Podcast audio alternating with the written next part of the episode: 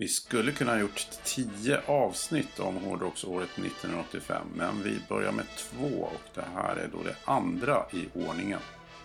Niklas plockar fram några av sina favoriter från den drös av skivor som släpptes detta år.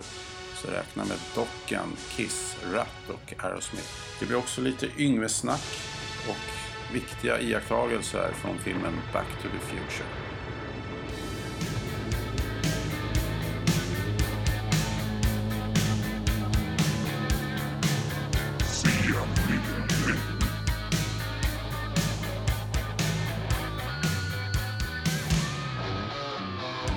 Under Lock and Key 1985.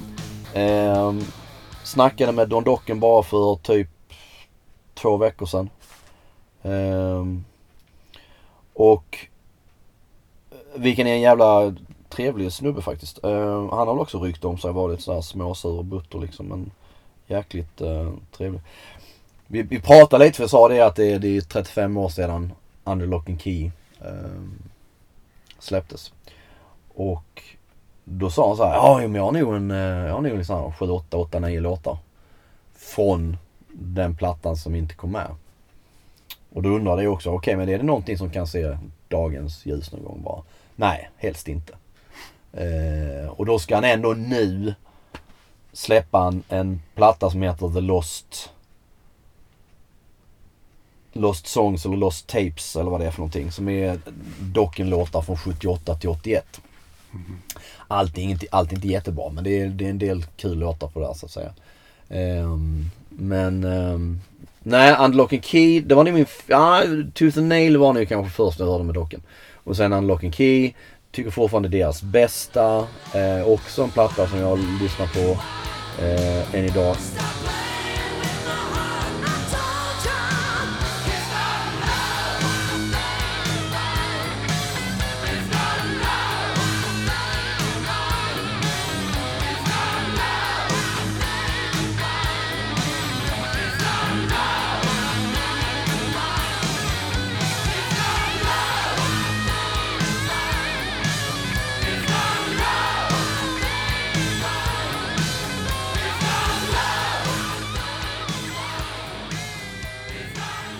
Activation of Privacy, absolut. Älskar den plattan. Um, tycker den är fenomenal. Och där börjar de också bli ett stort band, Rat.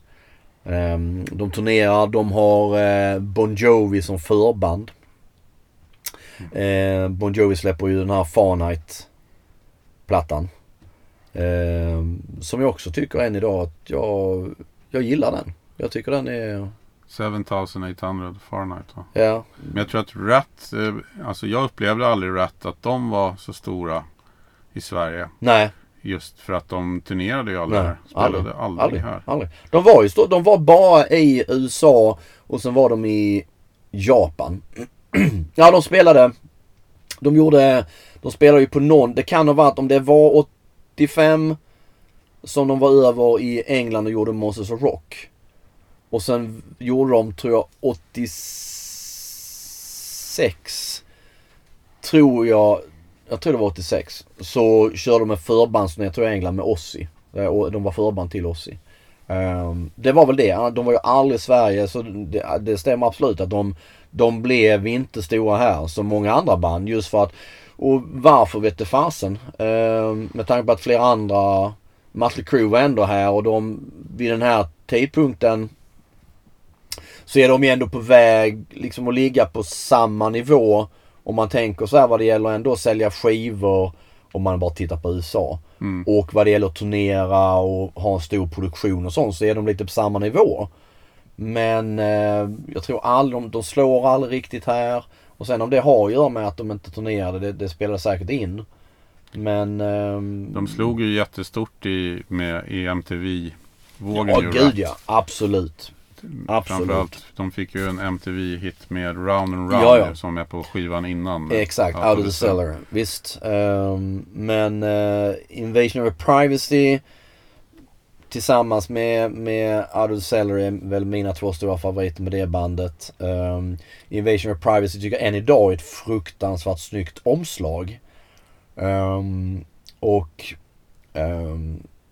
jag har intervjuat Steven Percy vid, vid två tillfällen och Rat-sångaren. Rat-sångaren. Båda gångerna har han låtit så lite smått dragen. Eh, och jag frågade just en gång om det omslaget och den tjejen.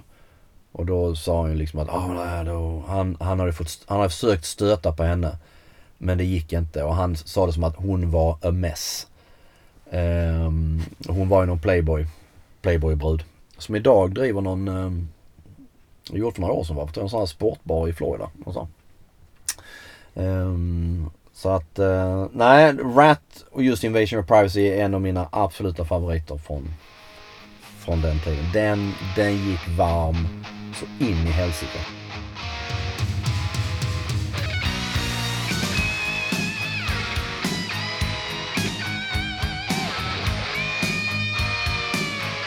I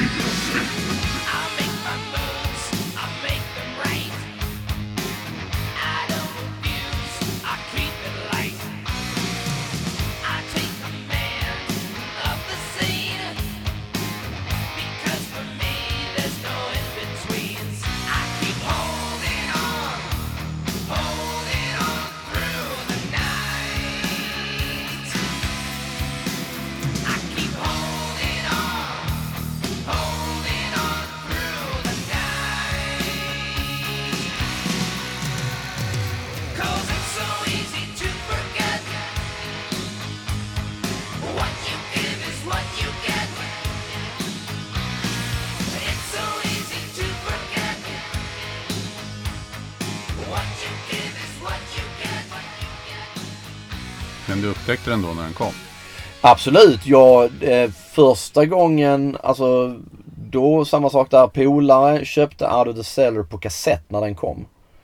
Eh, så den lyssnade vi skitmycket på och eh, jag tror om det är 85 kommer även eh, Rat the Videos. Ehm, hemvideo med eh, videorna då för Round and Roundwell och Wanted Man och vad det mer kan vara för någonting. Plus massa live-grejer och, och lite såhär dokumentärt och intervjuer när de är i Japan på sitt första Japan-besök. Så den, den tittar vi på liksom om och om och om igen. Så att eh, jag var nog ett, liksom ett, ett givet fan eh, när Invasion eh, kom och tyckte den var fruktansvärd. Och de var, samtidigt, de var lite tyngre ändå också ju. Det var ju, alltså Invasion of Privacy är ju betydligt tyngre egentligen då om man säger Theater of Pain. Med Mötley Crüe som är mer fluffig och jag vet inte. Sådär. Ja, men det var ju det här gitarriffet. Ja, det var med liksom- tunga. Warner Ja, Martini och Robin Crosby liksom. Det, det var lite smutsigare på något vis ändå. Um, som Och även, det är lite sådär Looks That Kill eh, Ja, ljud absolut. från Mötley. Och, och, do- och docken hade ju också det där. Ja. Ja, ja, oh ja. Det var väldigt många riff som lät ganska... Ja, ja, ja, ja, ja. Helt klart. Helt klart. Nej men fan det kommer ju så jäkla mycket. Det, det... Ja, uh, Aerosmith. Done with Mirrors. Den första Aerosmith-plattan jag köper. Skivcity i Helsingborg. Och den blir också, det skulle ju vara deras comeback-platta efter allt drog. Efter 25 vänder på rehab. Visst. Eh, och det var samma sak där. Hade väl ingen direkt koll på Aerosmith 85. Ehm, men hör väl någon låt kan jag tänka mig då på radion så här. Köper plattan. Den är ganska skitig, ganska ruffig, lite såhär garage-aktig. My Eh, face, eller My Fist Your Face och sådär. Genialisk titel. Eh, och en av favoritlåtarna från den plattan, utan tvekan.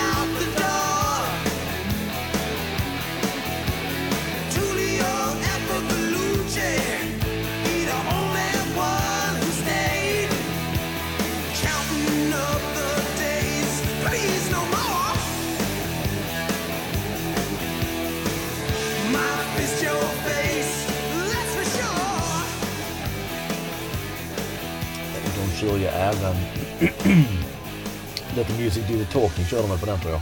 Vilket är en Joe Perry-låt som han har släppt. Han släppte ju en platta. Något år före det. När han var ute ur bandet. eh, Med den titeln. men Aerosmith-versionen är ju faktiskt bättre. Nej men den köpte jag och eh, älskar den och älskar den idag.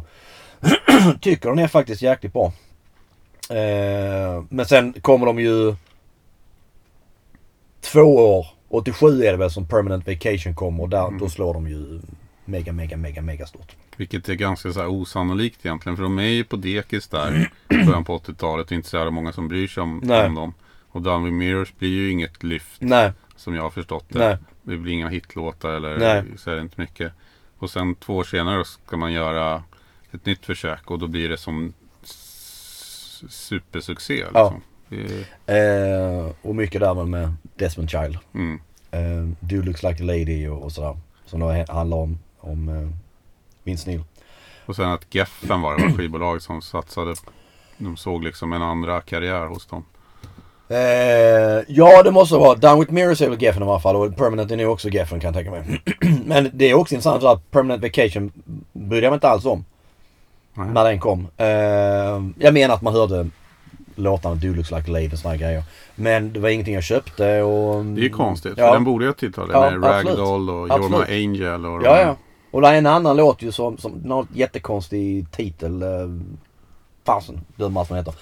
Och den upptäckte jag liksom ljusår senare. Så det var så svinbra låt.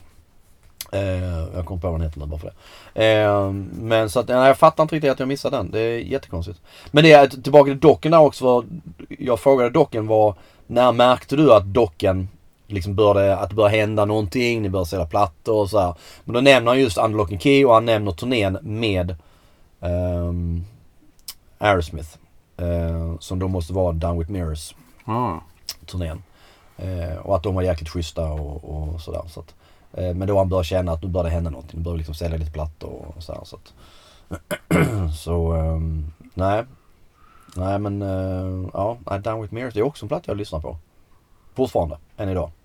Eh, och kommer tillbaka till. Men det är, som jag sagt tidigare, det är det där med nostalgin. Det är så jäkla svårt att avgöra vad som är ja. om det verkligen är så här jättebra eller om det är så mycket som är kopplat till att man... För det tänkte jag på idag innan du kom hit tidigare så liksom tänkte jag på det här också att just den här om man tänker på 85 man är 14 år gammal så minns jag det också som att det ju en ganska okomplicerad tid. ja. Man gick i skolan, lyssnade på skivor. Och det var liksom det. Man gjorde lite läxor däremellan så här. Men det alltså. Det hade ju liksom inte börjat hända någonting. Jag visste inte vad liksom. Jag, jag hade liksom inte upptäckt tjejer. Eh, så att det var någonting som fungerade speciellt mycket så här. Man var väl kär i någon på avstånd. Men, men ingenting annat. Det, det komplicerade liksom inte Tillvaron. tillvaron. nej. Utan det var ju mest, alltså man, man hade ju kul. Ja. Och liksom, eller försökte ha kul och man umgicks med polare varenda dag och, och sådär.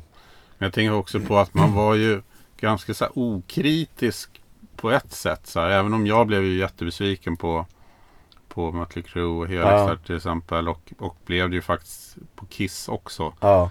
Eh, men egentligen så hade man ju, man hade inte alls samma referenser då. Man hade ju liksom ingen helhet. Alltså just att man visste ju inte liksom ja, men till exempel Black Sabbath visste man knappt så här, Man visste ju inte liksom, vilka Nej, nej, nej. skivor. Man, Nej, bara, Någon, man kanske visste att Ozzy hade sjungit där Ja, ja. och att de hade gjort Paranoid. Och man hade liksom ingen koll på saker och ting egentligen. Som Nej, man nej. nu efteråt så känns det ju så väldigt klart och tydligt att ja, men det där var ju pudelrock. Ja, och ja, där var ju Oh, ja. liksom ändå, särskilt som att då också de banden som man gillar förändrades. Så att det var ju svårt. ja men jag var nog sjukt okritisk. Mm. Som just sa med att man kanske då fly in the wall, att man kände liksom att nah, det var kanske så jävla bra men man tvingar sig att, att tycka att det var skitbra ändå. Så det tror jag, det, alltså det liksom lite mer kritiska Det kom nog först några år senare. Då man kunde liksom verkligen kanske ta det. Nej fast det här var, det här var, ju, det här var faktiskt inte bra. Eh, men här alltså 85, jag, jag tror jag liksom jag svalde det mesta med, med huller och hår. Mm. Men jag tror också det hade med, som jag sa tidigare, det här med att jag hade inga pengar. Mm. Jag kunde inte gå och köpa fem skivor i veckan, det gick inte. Utan det var liksom ett, det var ett sparande, det var liksom ett noggrant uttänkande på vilken skiva ska jag välja och den måste vara bra. För jag kan inte komma hem med någon som lagt ut de här pengarna så det är skit. Ehm, Man fick man- ofta man- presentkort så här, om man fyllde år eller julklapp av typ ja, men någon så här släkting. ja, En skiva så här på ja visst. visst. Jo men det, det, för det, det är liksom det, det spelade roll. Det, det, det, det var så viktigt att det skulle vara bra. För du kunde ju inte, du kunde ju inte gå och köpa och liksom egentligen, det hände att man gjorde men du kunde ju inte prova dig fram. Mm. För att du hade de här liksom 70 spännen du skulle slänga på skiva. Jag kan inte bara liksom testa någonting. Utan man ville vara ganska säker. Därför säkrar man kanske också att jag köpte nu ganska så här säkra kort. När man visste ändå liksom att nej, men det här kan inte vara, det kan inte vara pissdåligt liksom. Men, ehm, ja du nämnde Kiss där. Du var besviken på Asylum. Mm. Var inte då du intervjuade dem? Eller var det, Ja, var det jag, jag, fick, jag fick följa med som någon slags eh, bihang till Stefan Malmqvist i Svenska Dagbladet. Så. För att jag hade ju genom min svenska lärare, jag tror jag berättat det. Ja. Det hade jag upp till 15 som var någon slags tidningsversion av upp till Just 13. det, Så, just det. så att, eh, vilket ju blev en personlig succé och framgång för mig eftersom jag fick ju gå på film. Ingen ville ju göra det för att Nej. det skulle innebära mer skolarbete trodde vi. Exakt. vill man ju undvika. Så det var helt tyst i klassen när så här, är det någon som vill vara knattereporter? så, eh, och det var också så här, ska- vi göra det på skoltid? Det var mycket så här fixerat vid det. det Ja, ja, så här, inte, ja. inte så här, vad får vi göra? Nej, nej. kommer jag bli- bli tvingad till något. Det var ju så här, ja, vi fick gå på biopremiär, bland annat Tillbaka till framtiden och så här, det som kom då som var jättestort. Och då Oh. Just kom man ju tillbaka som kung sen till skolan. Gud, ja. Alla ångrade sig. Fasen. Så då fick jag vara någon så här knatterecensent och lite sånt där. Ja, ja, ja. Och så visste de att jag gillade Kiss och så fick jag hänga på och så ställa lite frågor liksom till Paul och Gene. Och det var ju, Jäkligt stort. Ja, det var ju jättestort och det var ju verkligen då att sitta själv med Ja, dem ja, ja. en fotograf och så Stefan Ja. Malmqvist som ställde sina frågor typ om politik eller vad det. Ja. Nej, nej, men det var nog helt okej frågor så. Men, eh, ja, men det var ju då, det har jag berättat, han frågade vad, vad jag tyckte och så jag sa att jag gillade Destroyer. Var så här. Och det roliga var att han då sa att han tyckte att Asylum påminner väldigt mycket om Destroyer. Liksom. Ja men det sa de ju alltid. Det var ju varenda intervju som var just på 80-talet med Kiss och så här, hur låter nya plattan? Ah men det är en del Destroyer i den. Så här bara, alltså fick man lyssna på det sen bara, nej vad fan. Och inte liksom, man kunde inte se någonting som hade med Destroyer att göra. Men jag tyckte ju att, alltså, så, jag tyckte ju ännu, jag tycker ju ännu sämre om den nu än vad jag tyckte då. Va? Ja. Alltså jag kan ju upp, alltså det kanske finns så King of the Mountain när jag är på den. Den Ja. första. Där är det ganska bra gitarr så här. Den hade ju kunnat vara på typ så här Creature of the Night. Ja, men, men alltså Who Wants to be lonely och Lägg sånt där, det är ju hemskt. Alltså. Det gillar Was inte jag. Be Lonely, All Night, Tears of Falling. Secretly Cruel, Tears of Falling, Any Way You Slice It. Vilka jag tror var den första låten jag hörde på Rockbox. Any Mm. Way You Slice It. Eh, älskar, jag tycker det är skitbra. Ja, Jag har ju svårt alltså för de här di- Kiss 80-tal där efter Lick It Up. Så Ja, några låtar på Animalize. Liksom. Men Att det, nej, men det, det känns ju så otroligt. Eh, kapparna, alltså de har ju ingen identitet kvar liksom. Nej, de var ju, det var ju Kiss eh, egentligen har varit deras stora just det här att de, de har ju verkligen följt vindarna på så vis. Var det, Det- disco så blev det disco. Ja, Men då var det ändå lite roligt för då var de liksom Peter Criss var med i Israel. Det var liksom kokainclowner. Ja, ja, ja. ja. Och det var så stort och de Mm. hade sminket och det var även, till och med de äldre i Sverige är ju roligt Mm. liksom. Och den, liksom, man kan värdera den på ett annat sätt. Jo. Men när det bara är liksom, de är ute efter att sälja, Ja. som de ju såklart var med eh, disco-svängen och det också. Men jag vet inte, då, då, det kan jag ändå tycka är kul liksom. Men Ja. in, äh, äh, alltså Paul Stanley i den där videon när han har neongröna fingervantar. Ja, så ja, ja. ja, ja. Alltså vilket åtlöje de gör sig Ja. till och så. Den videon måste ju ändå ha kostat lite pengar. Inspelad i London för mig och liksom ändå uppbyggd med scen och lianer och Ja. skit och vulkaner och grejer. Men jag har, ju, Ja. alltså, jag har ju förstått att det finns väldigt många hardcore Kiss-fans i Ja. Sverige. Och att många av dem eh, köper ju, tycker att det, det här är bra. Ja.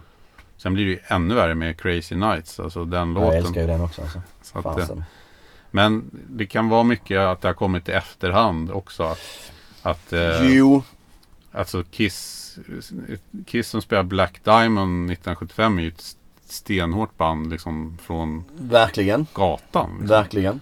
Och därför så känns det så oärligt när de sen ska vara liksom det här neon eh, Ja. som ska försöka sälja lika mycket skivor som Bon För Jovi. de gick ju också verkligen, alltså man tittar på de scendräkterna och tittar på Mötley Crüe. Eh, så gick de ju också all in. Alltså Jeans ser ju där ut som någon. Han har ju liksom transvestit look. Ja. Eh, och det är så jäkla mycket glitter och grejer och handskar och det är neonfärger och fasen hans mormor liksom. Men, men jag, men, jag gillar det också. Jag tycker det, jag tyckte det var... Men jag kan förstå det på ett sätt för att många blev ju sådana stora Kiss-fans i Sverige. Ja, ja. Just för att de var så stora Ja. och i den åldern. Och då, Ja. och då på något sätt så när de här skivorna kom, man lyssnade på dem väldigt mycket. Och då, då får du ju också hela det här nostalgiska Visst, kring det liksom. Men, visst. Men eh, i, ja, om man ser det till hur det låter så är det ju, nej det, det, är, det är lite jobbigt tycker jag.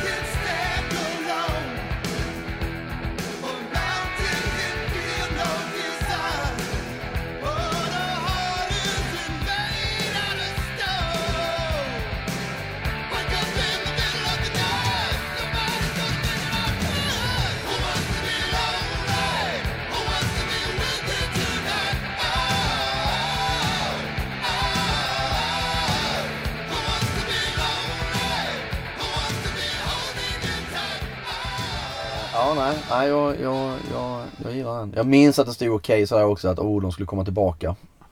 Just med Asylum att kom ni till Sverige? Oh, vi kommer, vi kommer med vår fulla scenshow och allt så här. Så blev det ju ingenting. Uh, de turnerar bara i USA med den ju. Ehm, men eh, ja, nej. Men jag tänker just Tillbaka till framtiden. För Tillbaka till framtiden är också så här. Eh, det är också en film som på något vis är oerhört förknippad för mig med den här tiden. Eh, och den såg jag på bio i Helsingborg. Um, och um, älskar den då. Och jag menar jag såg om den ganska nyligen och jag, jag, jag tycker den är lika fantastisk nu som då. Verkligen. Den har en, den har en sån enorm charm över framförallt den första Tillbaka till framtiden. Och där är det också där med Van Halen-kopplingen där han, han, där han är då och han Eh, han står i den här liksom rymddräktsaktiga och så sätter han in kassetten och så står det ju Van Halen och långt senare så såg jag liksom, har man ju sen, har jag sen sett att det står ju Edward Van Halen. Och jag läste nu bara nyligen om det att eh, för att när, det som spelas så första gången jag såg det, om jag, man bara såg att det stod Van Halen och så lyssnar man på det liksom, det är ju bara liksom ett, egentligen ett oljud med gitarren. Så var min första tanke att, nej fan det låter liksom inte som Van Halen. Eller att det skulle vara Eddie Van Halen. Det lät inte alls som någonting han skulle spela. Så därför tror jag nog precis som många andra, all, andra att i alla ord att det var liksom inte Van Halen. Och sen var det egentligen för kanske 5-6 år sedan så dök det upp på den här skvallersajten TMZ. Någon sån här reporter som möter Eddie Van Halen på en flygplats. Och det kan ha varit i samband med liksom när, när eh, Tillbaka till framtiden när den liksom fyller 30. Att någon frågar, hur är det egentligen där? Är det du som... Och då svarar han faktiskt att det är han. Och sen har han fått reda på att eh, vilket någon hade, någon skrev en sån här teori med att Ja för det står ju Van Halen med stora bokstäver, så står det Edward med lite mindre ovanför. Någon har sagt så att det känns lite som att det var redan liksom, det var redan bekräftat att det skulle vara Van Halen.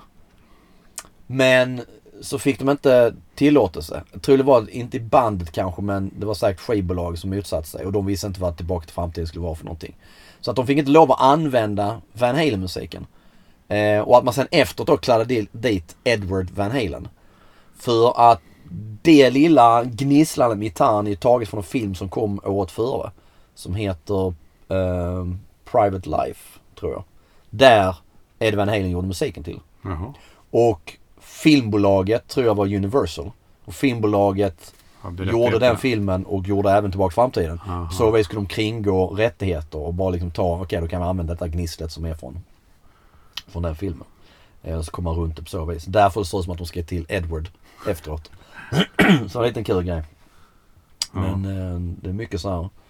Eh, vilket man inte heller visste på den tiden hur mycket liksom så politik det var bakom. Att bara för att du är artist kan du inte bara säga liksom, ah, men jag går och sjunger på polarens platta. Mm.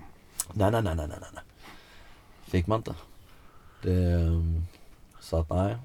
Ja, men det var, ju, det var ju verkligen stort när en film kom sådär. Det kunde ju vara liksom flera nummer av Okej så var det liksom artiklar om det. Och, Gud ja.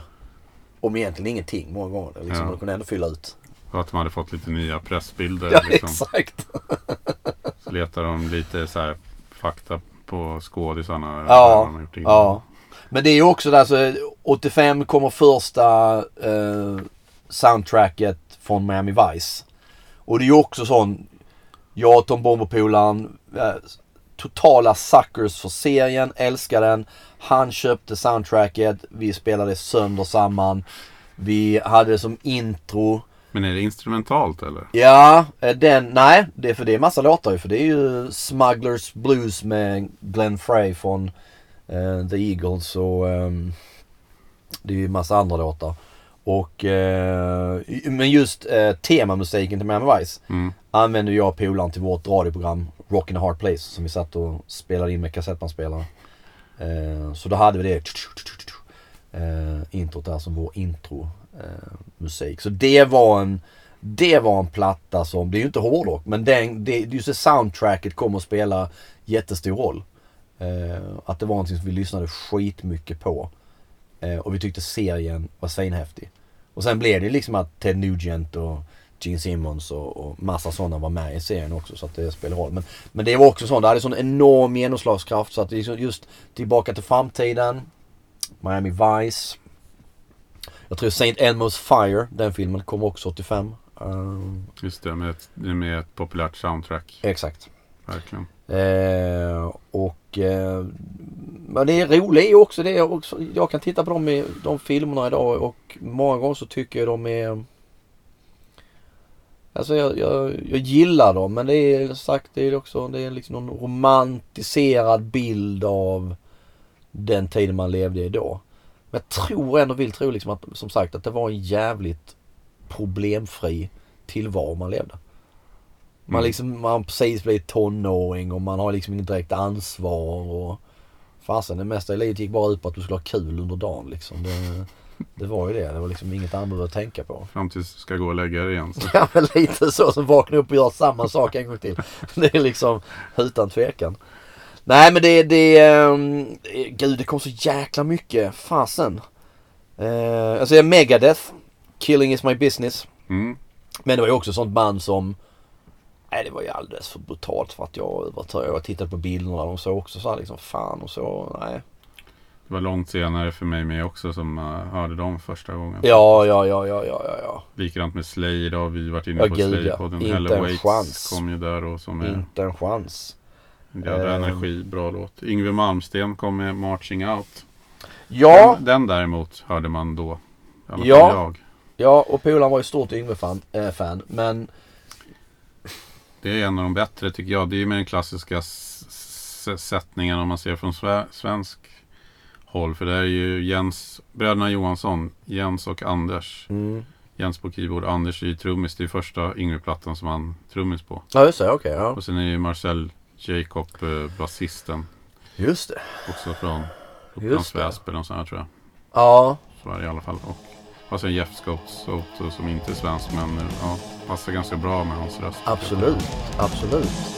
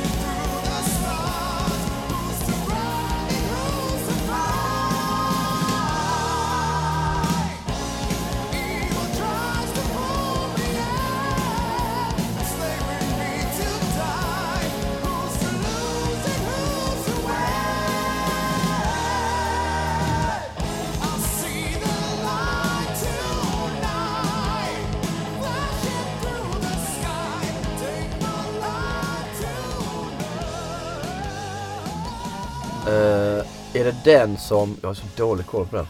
Är det den som I'll see the light tonight är med Ja. på? Eller är det, på, det är Mm. den. För den var ju, och den minns man ändå videon Med drakar och grejer. med ja. drakar och grejer ja. Ehm, så, så den var ju bra. Nej men det, Yngve var också så här som jag inte riktigt Även om jag idag kan tycka då liksom att Rising Force-plattan, Marching Out Det är ju ändå liksom Då har han inte ballat ut riktigt.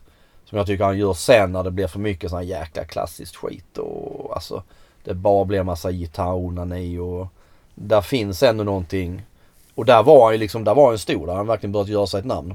Mm. Eh, så att ehm, Ja, just det att det neoklassisk. Han, han, på ett sätt så är det ju en egen genre som han skapar ju. Ja, Att han, om man jämför med Richie Blackmore till exempel så Visst, Richie Blackmore hade ju börjat spela Beethoven och sånt i, i solorna. Jo. Men, men Malmsten gör ju liksom, han shreddar ju i det på något sätt. Så att det blir ju, hela hans gitarrspel bygger ju på det här ne- Absolut. neoklassiska.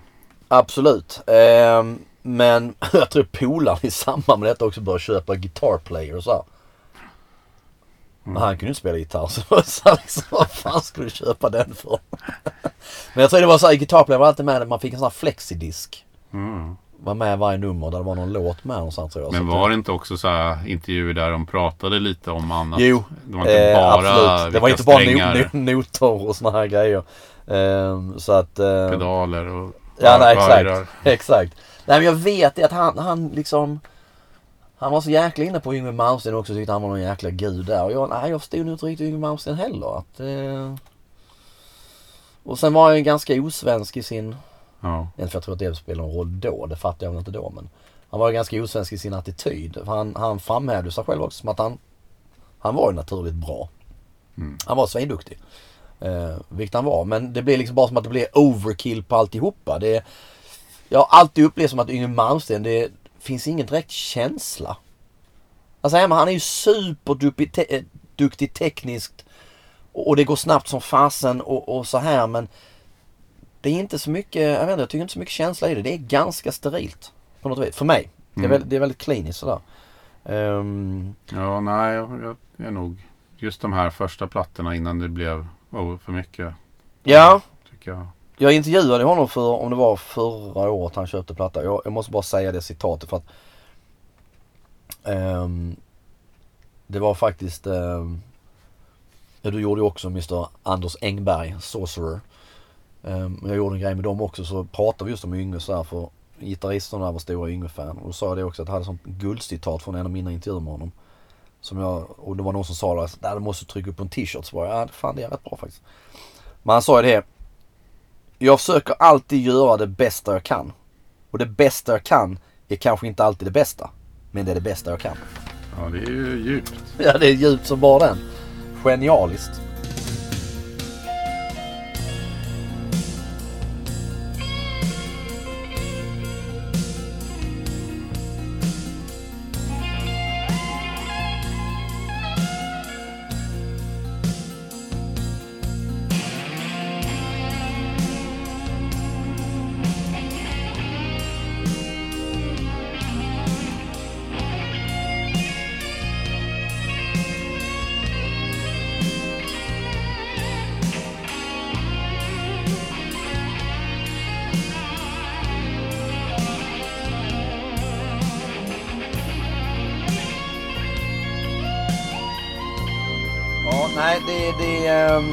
Jag ser ehm, Halloween släppte plattor då också men det var väl sen senare när, när Keeper of the Seven Keys kom som Mm.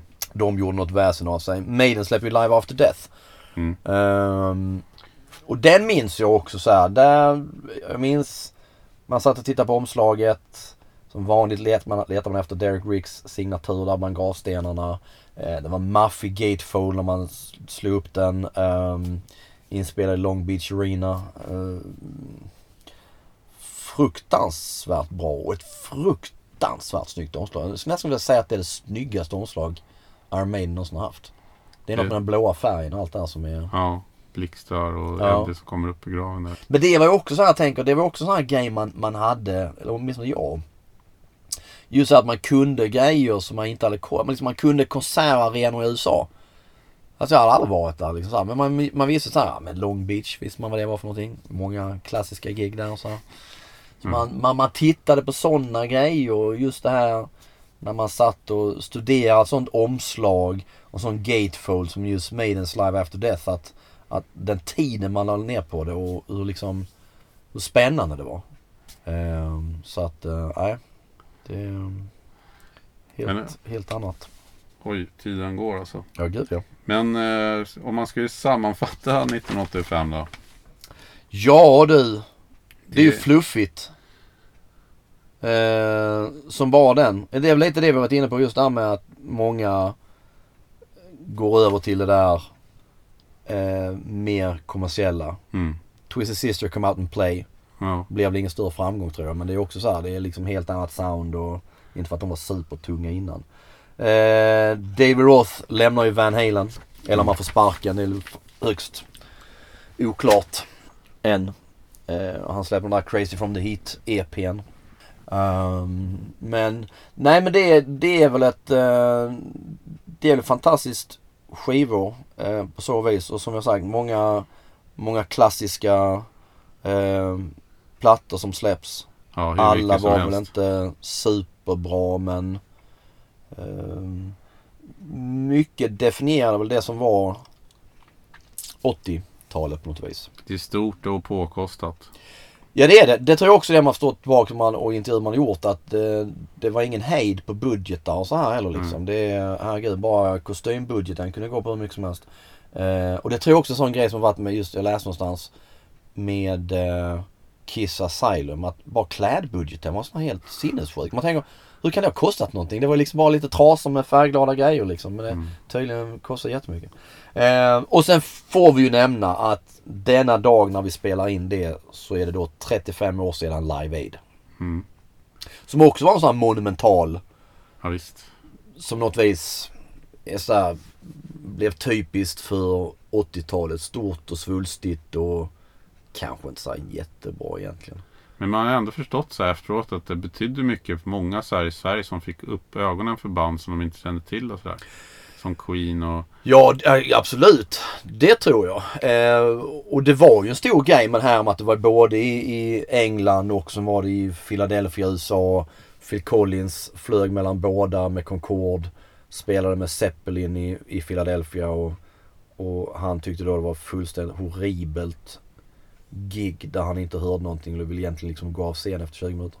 Men... ehm, Just Queen eh, räddar ju hela sin ja, karriär. Absolut. Går ut absolut. så här och gör Ja, ja, ja. sånt jädra framträdande Ja, en ja, ja, halvtimme och sen är de liksom plötsligt störst i världen igen. Verkligen. Och vilket, det är ju också en sån grej som man egentligen långt senare eh, fattade just det här att de hade varit lite liksom lite på degis och det var massa grejer inom bandet Knappt så att de här. fick vara med ju. Ja, Exakt. ja. Och sen kommer de och så blir det en sån djävulsk jättesuccé så att du till och med kan bygga en film på att det blir liksom finalen på det.